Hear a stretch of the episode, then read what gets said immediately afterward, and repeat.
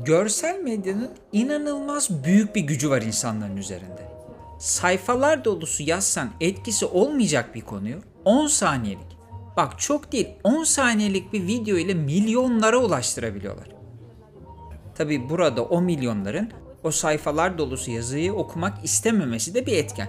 Şimdi hiç yalan söylemeyeceğim. Toplum yolundakilerin okumakla pek bir işi zaten yok. Çoğu bir tabela okuyucusu seviyesinde insanlar. Öyle bir şeyi okumak, ondan ders çıkarmak falan bunlar gerçekçi olmayan beklentiler. Bu nedenle de yönlendirmeye çok açık bir kitle haline geliyorlar. Arasında hiçbir nedensellik olmayan ilişkileri doğru kabul ediyorlar. Bir de büyük dersler çıkarıyorlar bunlardan. Sonra da söyleyene büyük insan canım diyorlar. Gerçekten tembellik insanlığı esir almış durumda. Emek harcamak, özellikle bir bilgi için emek harcamak çok zor geliyor toplumlara. Bunu sadece kendi toplumumuz için de söylemiyorum, birçoğu böyle. Kendileri çok tembel olduklarından herkes de tembel sanıyorlar. Çalışanın ise uzaylı olduğuna inanan bir kesim var mesela. Duydun mu bunu? Tüm zengin kişilerin uzaylı bir ırk olduğuna inanan Amerikalılar var mesela. İnternette bu bilgilerin yayılmasına inanılmaz bir imkan sağladığından Amerikalılar bunu ne bileyim Korelilere, onlar Nijeryalılara falan yayıyorlar. Hiç kimse de bu insanların belki günde 16 saat çalışmış olabileceklerine ihtimal dahi vermiyor. Çünkü kişi kendinden biliyor işi. Kendisi imkanı olsa yataktan çıkmayacak olduğundan sabahın 5'inde kalkıp çalışan insanların olamayacağı fikri daha makul geliyor ona. Aşılar konusu da böyle değil miydi hatırlarsın. Aşılar üretilsin artık sokağa çıkamıyoruz diyorlardı pandemi döneminde. Sonra da aşılar çok hızlı çıktı olmuyorum dediler. Sen evde yatarken onlarca deneyi gerçekten çalışkan insanlar yapıyor olamazlardı değil mi? Bu yönlendirmesi çok kolay kitleye ver 60 saniyelik videoda onlarca yanlış bilgiyi kendinden geçsin. Mesela elmasın çok değerli bir taş olduğu bilgisi gibi. Halbuki madenlerini kazdıkça çıkıyor elmas. Bu durum son birkaç aydır ciddi biçimde tartışılıyor. Bu taşın gerçekten de öyle abartıldığı kadar çok bir değeri yok. Zaten böyle bir değeri olmadığı için de sanal bir anlam yüklenmesi bundan değil mi? Diyorum ya sen de kesin görmüşsündür bu tartışmaları. Ama bunu bu kitleye anlatamazsın. Çünkü bilinçaltlarına işlendi bu. Üzerine kim oturacak da düşünecek bir de bir şeyler okuyacak azizim. Böyle işlenen başka bir sanal durum daha var ki sinema sektörü bunun çok ekmeğini yedi. İlk görüşte aşk. Hakkında onlarca film çekildi, kitaplar yazıldı, şarkılar bestelendi. Bir gün bir kitapçıda elimiz o aynı kitaba değdi ve işte o büyülü dakikalar başladı. Biz de bunu yedik. Yok yok gerçekten yedik.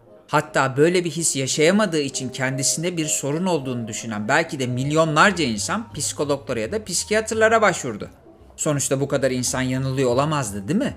Köşeyi dönerken çarpışıp ruh ikizini bulan o insanlar yalan mı söylüyordu? Hadi bir iki tanesi yalan söyledi. Peki o Oscar alan film o da mı yalandı? Böyle bir şey mümkün olabilir miydi? Hadi Allah belasını versin o da yalandı. Peki o şarkı? Aşkı bulmuştu adam kadının gözlerinde o şarkıda. Hem yağmur da yağıyormuş. Yağmur berekettir derler eskiler. O da mı yalan? Tabi şimdi birbirinden görür görmez etkilenen milyonlarca çift vardır. Buna yalan diyeni Allah çarpar. Zaten evrimsel süreçte böyle etkilenmek için gelişmedik mi? Yoksa kim niye üremek istesin ki? Lakin burada tüm bu hikayelerin atladığı bir nokta var. Hayat büyülü değil. Hatta hatta bu kadar rastlantısal bir büyüsü de yok.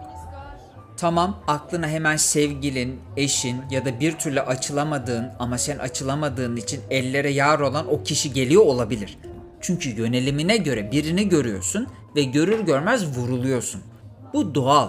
Çünkü hormonal bir durum bu. Fakat sana anlatmaya çalıştığım bu değil.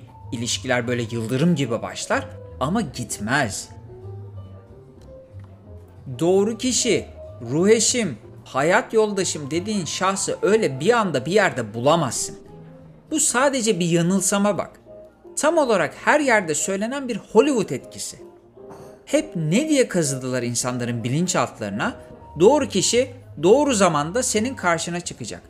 Bak, sana kaç dakikada ne anlatıyorum? Sayfalar dolusu araştırma yapmak yerine yine bir videoya kanıyorsun böyle düşünürsen. Bu düşünce çok yanlış. İlişki dediğin iki kişinin çalıştığı bir şirket ya da inşaat gibi bir şey. Bunu el ele ve en önemlisi birlikte kurman gerekiyor.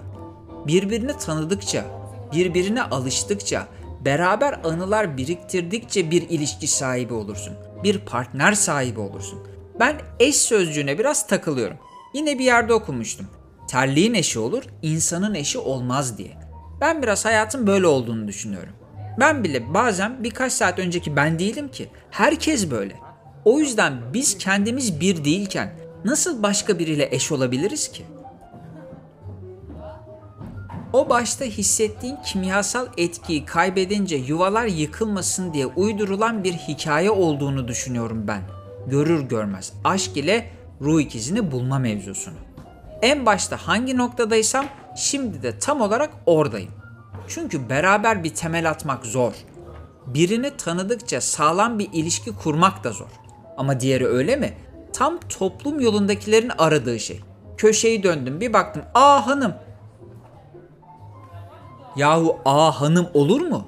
Bir de şey yalanı var ona bayılıyorum. Ay biliyor musun? Yok bilmiyorum nedir? Gözlerine bir baktım. E dedim ki ben var ya bununla bununla evlenirim.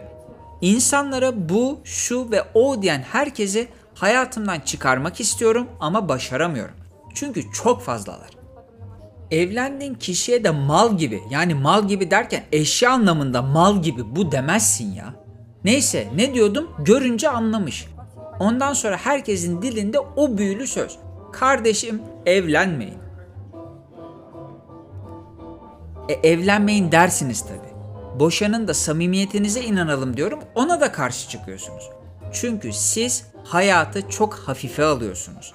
Sonra da biz kendi yolunda olanlara diyorsunuz ki akıllı düşünene kadar deli çocuğunu everir.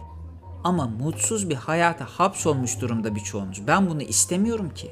Ben huzur arıyorum hayatımda. Ben kafa denkliği arıyorum.